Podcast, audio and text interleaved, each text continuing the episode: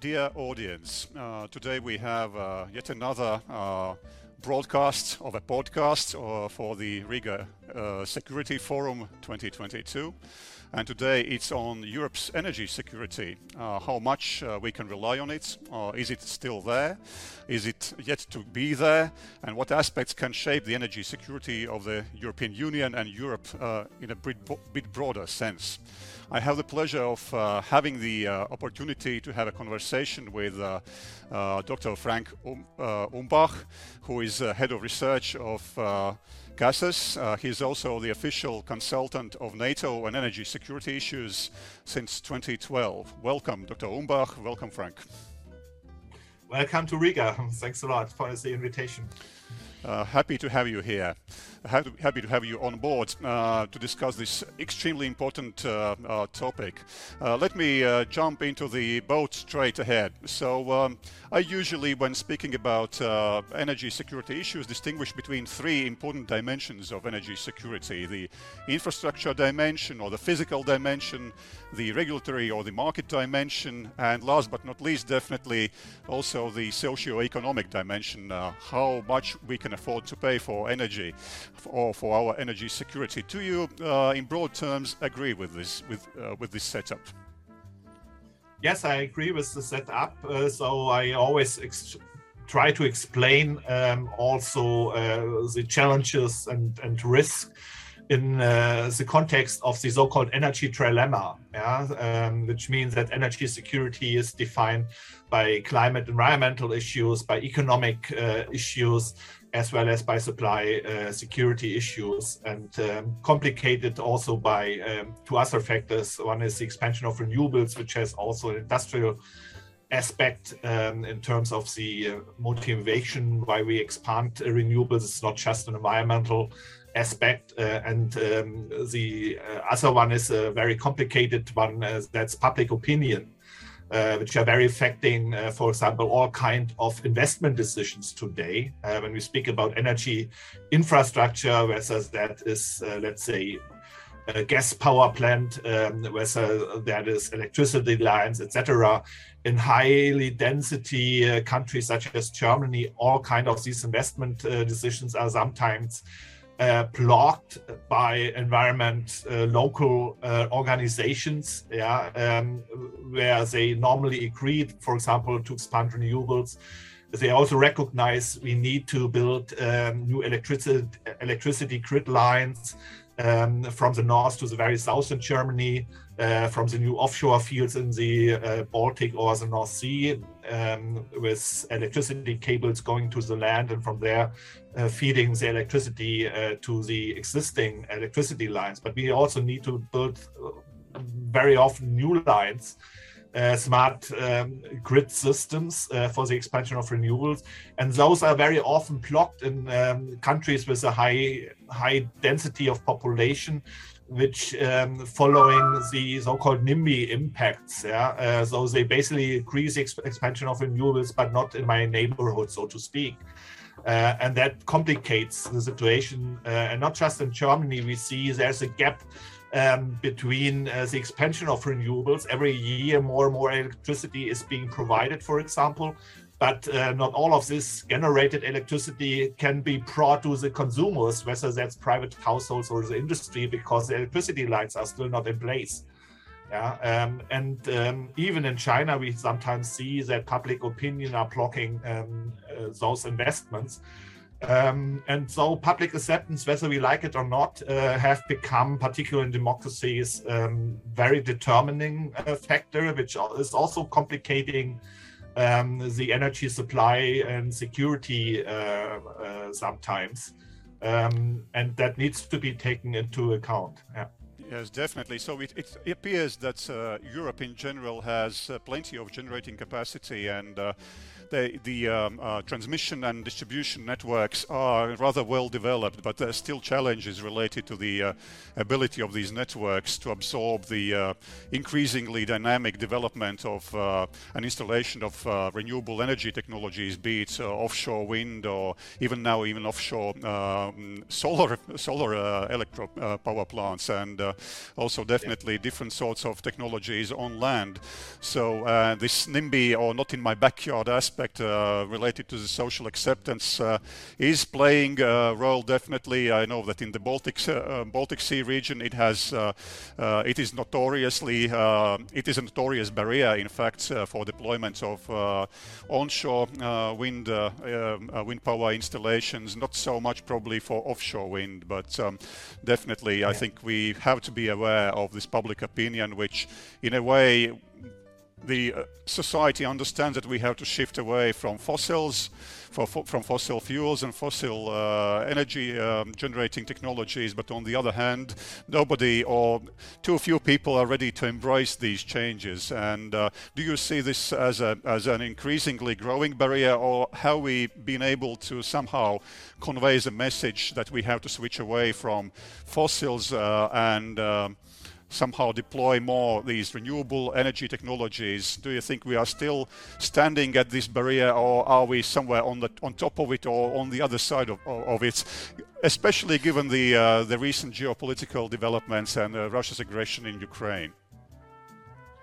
No, I, I, I think this is part of the so-called what we normally call the energy transition and the uh, and the risk and challenges of the energy transition. It depends very much also how fast you can or you want uh, to transit uh, to a non-fossil fuel area. What and what you can do.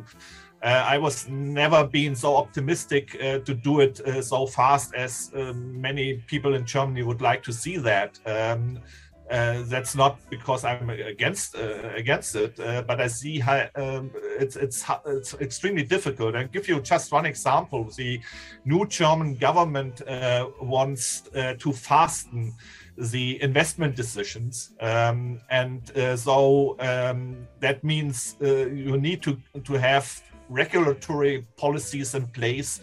Um, with the bureaucracy to fasten the decision making, to prove environmental investigation and all these kind of things before something can be built. Uh, and that takes too long. Yeah? Um, when you take an on, on land um, wind power plant, uh, it takes in Germany approximately seven years yeah, from the planning um, before the construction begins, and that's uh, far too long. Uh, we won't be able to achieve uh, the agreed targets within the EU of the European Green Deal, yeah, by increasing, um, for example, uh, the emission reduction uh, from minus 40% to up to minus 55% by the year 2030 if we are too low, uh, too slow with these kind of um, uh, investment approvals in, in our country. But on the other hand, we are democracy. You need to give people a basic right also to protest yeah um, and uh, this is uh, this is this is part of our understanding how a democracy um, and the rule of law uh, um, and the checks and balances um, are, are are guaranteed somehow. So, with other words, there are also limits. Yeah, how you can constrict, um, how you can reduce the interventions uh, from from people who feel be hurt by those uh, investments in their neighborhood. Yeah, this is a delicate balance between the overall interest of energy security or the energy security of a country and individual rights uh, uh you have to preserve to some some extent. Um, and for all these reasons, um, as I said before, we have concentrated so much since 2002 in Germany on the expansion of renewables, um, on the generation of new electricity, but we have never really thought through that in a broader context to balance these investments also with investments of building new transmission and distribution uh, uh, grids. Yeah, um, so we generate every year more electricity, but uh, we can't transport that electricity to the consumer places because, because we don't have the transmission and distribution grids uh, in line. Yeah, um, when you take uh, the example that uh, most of the German uh, nuclear power plants, for example, are phased out in the southern part of Germany, in Bavaria and Baden-Württemberg. Yeah, but most of the new offshore uh, wind power are, of course, in the north, in the Baltic Sea, in, in the Nordic Sea. And uh, so you need to transport more than ever electricity from those offshore fields, not just to the neighboring federal states of Germany, but to the very south ones. And the electricity uh, lines are not in place still. Yeah.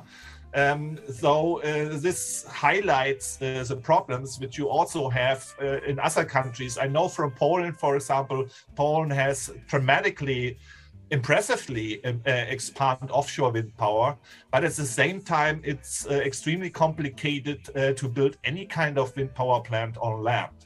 Yeah, um, so uh, here again, uh, Poland has also quite similar problems with NIMBY. Um, uh, and that sometimes threatening also the, the national energy plans and ultimately then also the the overall agreed targets of the EU's energy policy in the midterm perspective by 2030. Uh, yes, definitely. I think you pointed out rightly that there's the infrastructure pro- uh, problems are uh, associated also with the ability of uh, geographically bigger countries to transmit the cheaper uh, electricity uh, yeah. that has been produced from renewables mainly or from nuclear to those parts of the country which are bigger consumers. So I think two other very pronounced examples of this problem are Norway and Sweden, in fact, in the on the yeah. Baltic Sea region and, and Nordic region where the cheapest energy sources lie in the very north as large in, the, in the form of large hydropower electric plants. And then uh, the, the, big question is how how quickly and um, what sorts of volumes can you uh, can you uh, transmit uh, down south, if I can, if I may say so. But um, right, we understand that uh, energy transition definitely is there. Uh, we feared at the beginning of this year uh, with the Russian aggression against Ukraine, we feared that this new crisis might might actually uh, somehow derail our uh, energy transition processes and derail the whole idea of the uh, green energy transition. however, the other scenario was that it's actually going to uh, play out as a boost, as a significant boost, or even as an event uh, that is disruptive to the current system and uh, that uh, provides a unique opportunity to actually uh, make a big leap uh, towards embracing more renewables and going away from fossil fuels. And let me just quickly, for a moment, return to the current state of affairs. Re- reliance on natural gas in many European countries is still extremely high. It has always been. It has been higher than it is now. Many uh, changes have happened since the, since the uh, Russian invasion in Ukraine in February. Many policies have been revised, but still, do you see that Europe is uh, still able to uh, find new sources of supply, new new uh, routes of supply, and do you think that the uh, Europeans are ready and willing to pay the price, competing with other world markets for the same uh, scarce resource, which is natural gas, which is enjoying extremely high prices now? Yes, um, I, I, think there are also um, a lot of myths sur surrounding if it uh, when you also address uh, geopolitics maybe an issue we can also dis discuss later um, because in germany we, we, still have the myth that geopolitical risks are only related um, to um, to fossil fuels and not renewables. I think that's totally wrong. Um, but uh, in respect to natural gas, um, I should remind ourselves um, that Europe has a lot of natural gas reserves, including my own country. And these are the unconventional gas reserves. Uh, um, and uh, this refers to the fracking debates we had some years ago uh, in, in, Europe. Germany has uh, unconventional gas resources um, which may last for the next, next, uh, next 60 years. So we can at least for 20, 30 years completely um, cover uh, the natural uh, gas demand, which is which will shrink anyway over over time. We made this debate how fast uh, we will use natural gas. Um, when you're looking to the official EU policies, uh, um, European energy deal, um, we had a policy agreed that approximately by 2030 we wanted to reduce energy or gas consumption already by 20%, and then after 2030 uh, then phase out also natural gas. Um, may disagree how fast that can be done. I'm not uh, the one who is, is too optimistic. I, I, have always argued it would take certainly a little bit longer, but this this was the basic policy already in in place before the Ukraine uh, conflict or uh, the war started. Um, and um, it's somehow um, contradicting and ironic somehow because um, Germany, after 20 years of discussions we had, uh, and I'm I was one of the very lone, lonely voices in Germany who criticized uh, the high German gas import dependencies for 20 years. I have argued from the very beginning uh, against the Nord Stream 1 pipeline back in 2005 um, and becoming too much dependent on Russia. Um, and uh, now uh, we built, um, we will build at least two or three fixed um, LNG terminals on land. Uh, we have chartered, the government has chartered uh, five, maybe even six FSRU ships, uh, the floating storage and regasification uh, units, um, for the next uh, several years. The first one will be in operation at the end of the year, the second one at the beginning of the year. Though that goes back to similar discussions uh, we had 20 years ago, and I was a strong supporter of diversify Germany's uh, gas import dependencies by building those terminals already back in 2006. Um, but uh, only now the government has decided upon because um, it sees, despite the, the expansion of renewables, we won't be able to guarantee energy supply security in the short and medium uh, solely by by renewables, and that's a that's the reason why we import or will import also LNG. But as I said again, we we we could use um, also unconventional gas uh, reserves uh, and that would have uh, two major benefits. The first one, it would strengthen uh, energy supply security because it's, it's, a domestic source. And the second one is interesting, uh, which has not been highlighted in our discussions at all. Yeah, if we would rely more on um, domestic um, gas resources, um, being conventional or unconventional ones, means ultimately we are also contribute to climate protection. Why? Because the import of natural gas, be it from Africa, be it uh, from Qatar, be it uh, from the United States, will always cause much more CO2 and methane emission than if we would rely at home. Why that is the case? Because the environment regulations in all countries outside of Europe are on a lower standards than we do uh, do than those existing here in, in Germany. And then you have to transport LNG from the United States, from Africa here to Europe, uh, and you need ships. Ships uh, need um, oil for transporting that, and that produces also CO2 and methane emissions. Yeah, uh, and if you rely on domestic uh, resources, you don't have these kind of CO2 and uh, and methane emissions and that means you will always contribute to uh, global environmental policies yeah by producing much less uh, co2 and methane emissions uh, alongside what we call life cycle analysis which starts from the production fleets from the investment uh, including the transport ways um, to the ultimate uh, use in, in, power plants yeah. So, uh, and that's completely completely overlooked uh, in, in, in those discussions and uh, including in, in Germany. And people now beginning to wonder why we import fracking gas when we when we still have our own fracking gas yeah? So this is one of the yeah the contradiction which came out of the recent energy policy debates. Uh, and I think when you take the example of UK, which will restart fracking um, on land um, as the government has just decided. So there is some kind of rethinking uh, along these uh, uh these lines.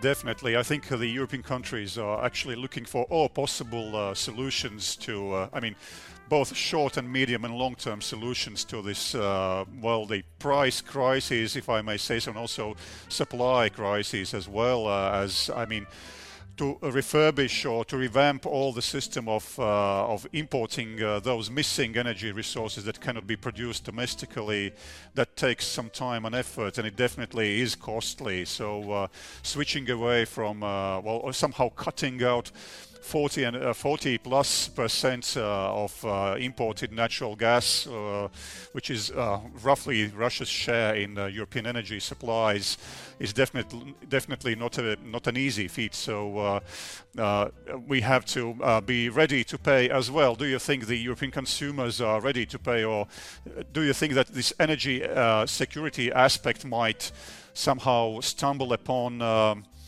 European, uh, the willingness of European consumers to uh, somehow uh, be more resilient towards these uh, prices in short and medium term in favor of uh, uh, making investment in these longer term solutions which would be more sustainable and more favorable also for the wallets if I may say so. No, I think the, the price explosions we see, including in my country, uh, are hurting people, are hurting the small and medium-sized um, uh, uh, companies in a way which uh, they cannot um, afford uh, to pay these uh, prices. That's the reason why national decisions are trying to create a price cap. why we do have European debates, but it's complicated when it comes to the imports because we have to rely here on a world market. And uh, we have just seen in the recent decision of OPEC Plus um, that uh, unfortunately um, the OPEC countries, uh, including Saudi Arabia, are not following the Western sanction policies.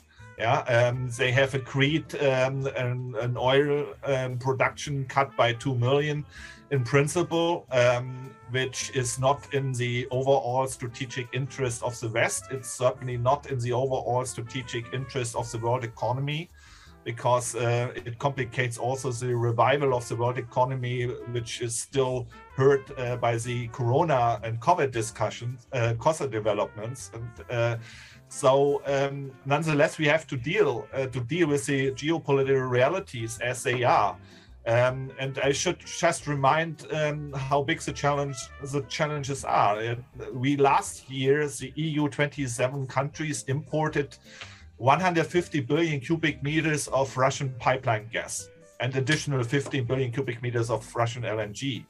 So we had a situation on the world market which was until the beginning of 2020, so prior to the COVID, um, when, when the COVID pandemic started a situation on the world market which was quite comfortable in a, in a word. Uh, we we had an, a certain kind of oversupply of uh, oil, in particular gas, uh, which explained why the gas prices had uh, decreased so much uh, until the beginning of 2020, and then in the first months of 2020, even more when the um, global pandemic started. Uh, and that changed uh, then at the end of uh, 2020 when an economic revival of uh, China began, uh, and nobody was uh, was really prepared at that time. Yeah. So what I wanted to say is the, the price explosion um, began already before the Ukraine conflict. This is important to recognize. Yeah. Uh, it's not just the Ukraine conflict which led to the price explosion. Last uh, summer, we had a situation on the gas markets where the European gas storage um, sites had not been filled up by additional Russian gas. We only later discovered or interpreted that kind of Russian policy, which was probably part of the Ukraine war um, in preparation as a warning signal to uh, to uh, to the West and to Germany uh, in, in particular, uh, probably. Um, and so now we, we do have a global market where the balance between supply and demand is somehow balanced off. Yeah, and now you have to cover additional 155 billion cubic meters of gas which we need to replace um, and only few cubic billion meters of gas can be supplied by Norway, by Azerbaijan in the next years by pipeline. So the, the 130 billion somehow needs to be replaced by importing LNG from the global market, which is already tight. Yeah, so we are certainly in the financial position, most of the European countries and the EU, to compete on the global market and to buy that uh, LNG by, by, by competing off other countries. Yeah, which which leads to a situation that other countries don't have the possibility any longer to import LNG on turning, for example, to coal. Um, but of course, we have not so much in this respect a supply problem, but even a bigger problem in terms of the explosive prices and who can pay these kind of explosive uh, prices for how long. Uh, as we expect uh, that the supply situation for natural gas will not uh, change um, over the next year. It will last into the year 2024, uh, 2025. Um, and uh, so the, the challenges in this respect, in terms of the explosive prices, will not go away. Although I have also to admit that the highest, the peak of natural gas prices has now been reached uh, on August 26th, and afterwards the prices went down. They went up a little bit uh, with the speculations uh, taking place in context of the recent sabotage of the Nord Stream pipeline. But in general, there's a trend of going down. Yeah. But still, many uh, companies in Germany, uh, the gas importer Uniper, for example, had to bail to be bailed out uh, by the government. Um, otherwise, um, it uh, they would be gone, gone bankrupt, um, and uh, it's needed to do uh, to do to do it. As otherwise, supply security, gas supply security, very important for the industry in Germany, chemical industry, cannot be guaranteed, um, and that's a big challenge as we are still in. So it appears that the Europeans actually uh, have no have no big choice. They have to be ready uh, to pay a little bit more, or uh, quite a bit more, rather. Uh, yeah. Frankly, uh, uh, for some short and, and, medium term, to be able to switch over to more sustainable ways of energy supplies and energy production in the future, in the long term. But um, let us see how many Europeans are happy with that. Probably they are more understanding of the situation given these uh, recent uh, uh, developments that you referred to, also to the, the Russian Russian uh, invasion in Ukraine, which definitely uh, was uh, which definitely contributed to the situation of high prices, but the high prices, as you correctly noted, began slightly earlier than that. Let us remind that in many European markets for electricity, electricity was almost the cheapest uh, um, in, the period of five years. The same for natural gas. Um, pre, uh, five years prior to 2021, where I mean historically lowest gas prices globally. It was definitely a buyer's market. The same for electricity, and now I think the shock uh, that uh, we experienced was because exactly of this big uh, difference between the uh, historically lowest and historically highest prices of these products, both of energy resources and uh, that is produced from these resources. So that has contributed to this shock effect, most likely likely. So probably there is no uh, good uh, and quick answer for those Europeans who are asking whether we will have to pay even more or how long we will have to be paying these high prices. So there is no uh, very good answer in short term, but in long term we could probably say that uh, once uh, we proceed very rapidly with energy transition, and uh, the markets uh, uh, well quiet down or calm down in a way uh, then uh, this uh, perspective looks not as bleak and it looks much better in the longer term. I think the challenge has also to do what we what we see now is a sometimes sometimes also contradicting development. You have referred there's a fastening of expansion of renewables as part of the uh, of the European Green Deal, and then this is also an argument being used uh, for the uh, Ukraine war, yeah, uh, to fasten uh, uh, the expansion. But we also see um, more investment in new fossil fuel projects, particularly natural gas projects in the North Sea. Um, you see, uh, UK, as I said, uh, it's also investing or will allow uh, fracking gas, but it also invests uh, in new offshore gas fields. We see uh, also uh, Norway. Um, even the Netherlands investing in new offshore gas fields.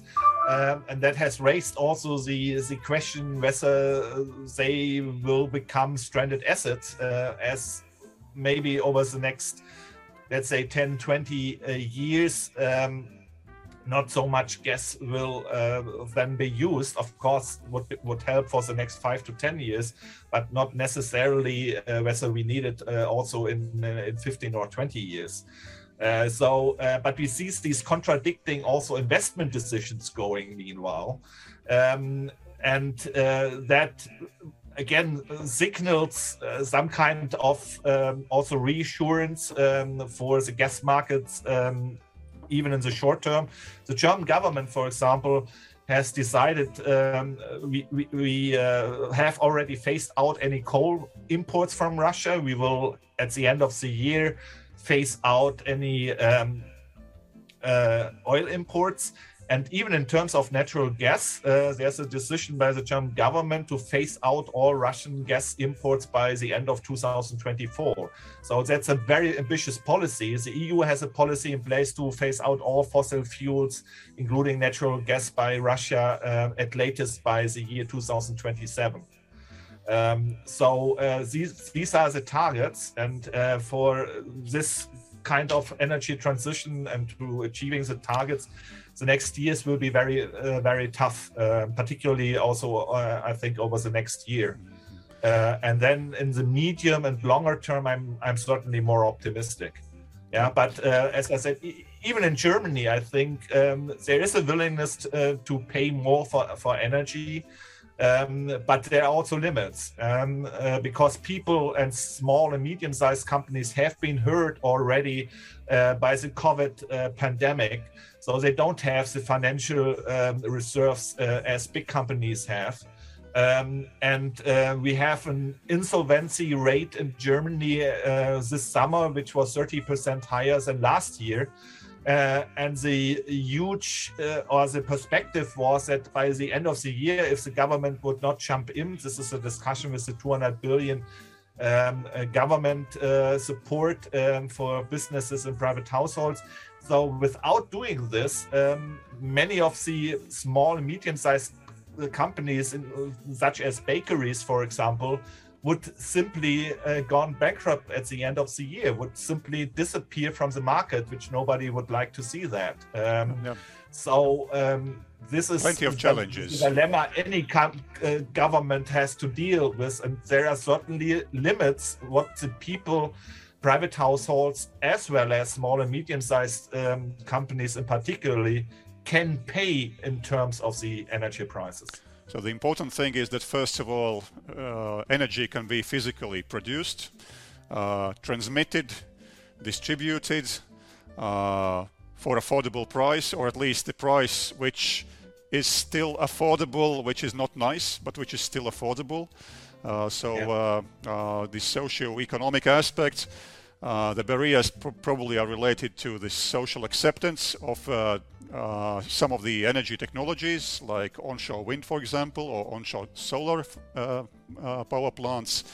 acceptance of extending the lifetime of nuclear power plants in some countries as well, which is a big debate which we cannot unfortunately cover in this short conversation. But um, if you would have to sum up the answer to the uh, to the main headline question here uh, European energy security, uh, reliable or not? Is it here or don't? Or do we have it actually? no, what, what we can't do is something what we in, in Germany learn painfully now is you cannot phase out everything at the same time. Yeah um, and this is uh, what, what we did in the past. Yeah? And then hoping that the uh, expansion of renewables can replace all fossil fuels uh, even in the short term. That's not working. Uh, so you undermine your energy security. Uh, it leads also to price exploitations or contribute to price explosions, uh, etc. It also creates, by the way, a lot of new geopolitical dependencies because all renewable energy technologies um, wind, uh, wind power, solar, but also uh, all the digitalization technologies are dependent on a stable supply of uh, critical, so-called critical raw materials, uh, rare earths, lithium, and others. And here you have a European dependency. Geopolitically speaking, 80% comes from uh, China when you include uh, the refined products. So that means we are we replacing one high geopolitical dependence. Um, namely uh, the gas dependence from Russia, with another one which um, which is even higher to some extent. So this is not an argument against uh, reducing the gas dependency in Russia. It it's just highlighting. Uh, the, uh, these other challenges is not something you can do, let's say, in 10 years. Yeah, uh, policies and political decisions make, makers tend at the moment to focus on focus and focusing on dealing with the gas import questions, uh, price explosions related to the Ukraine conflict and the gas import dependencies. That's fine, yeah. But at the same time, the other resulting new geopolitical dependencies from that policies are not addressed sufficiently. That's my concern. Uh, and this is not something you can do in five or 10 years. You have to do it at the same time. Yeah. Yes. Uh, and yes. this is uh, the bigger global geopolitical uh, dimensions we have to face. Um, and we cannot put our our head into um, in, uh, into the earth. Yeah, and we, ha- we have to deal with it now, and that means also that we need to address those issues in a much more strategic way and not just focusing on the daily problems we have to, fo- to, to solve. We need to have a more strategic outlook policies also in terms of investments, but at the same time dealing with the present realities and problems and challenges. Frank, uh, it feels like, uh, well, I have to interpret your uh, extended answer as a very cautious yes, we do have energy security, but there are many question marks in Yes. there that we need to solve. And I, we didn't even mention energy efficiency, which should Yeah. be and must be and will be a part of, a big part of the uh, energy security, uh, well, package, if I may say so. So uh, uh, I may uh, just add from uh, my own point, own point of view that uh, we can be probably uh, cautiously optimistic. There are definitely huge challenges. I think the uh, uh, main challenges will be related to the uh, ability and willingness of Europeans to really compete on a competitive basis with other markets in the world globally. Europe is only one of the prime markets. It's not even the globally prime markets. We know that it's in Yeah. Southeast uh, Asia, uh, and uh, if there is cold winter in Southeast Asia and demand goes up, the Europeans will uh, will have to open their wallets again. So there are many things which even do not depend on the Europeans and then willingness to pay, so to say. So uh, yes, indeed, probably we should be. Uh, uh, cautiously positive about these things. Um, with these words, I would uh, like to uh, thank you, Frank, for this uh, conversation. We have just started warming up, I know, but um, well, probably we'll have another chance to discuss this. But uh, I had the chance. Uh, to have uh, Dr. Frank Umbach, uh, the research director of uh, CASAS and uh, consultant to NATO on energy security issues since 2012. Uh, really uh, a great expert on energy security issues. Myself, Reinis Āboltiņš, uh, energy expert, currently working for the Public Utilities Commission with wholesale energy markets. It was my pleasure having Frank here, and thank you for watching, and many thanks to those who have made this uh, podcast possible. Uh, that is Latvian Institute of International Affairs, uh, NATO, and Friedrich Ebert Stiftung. Thank you for viewing us, and thank you, Frank, once again for having this conversation. No, I have to thank for the invitation. It was a pleasure uh, to talk with uh, you about it and uh, the manifold cha- challenges we face, and also addressing maybe some issues which are not so much in the public debate up to now.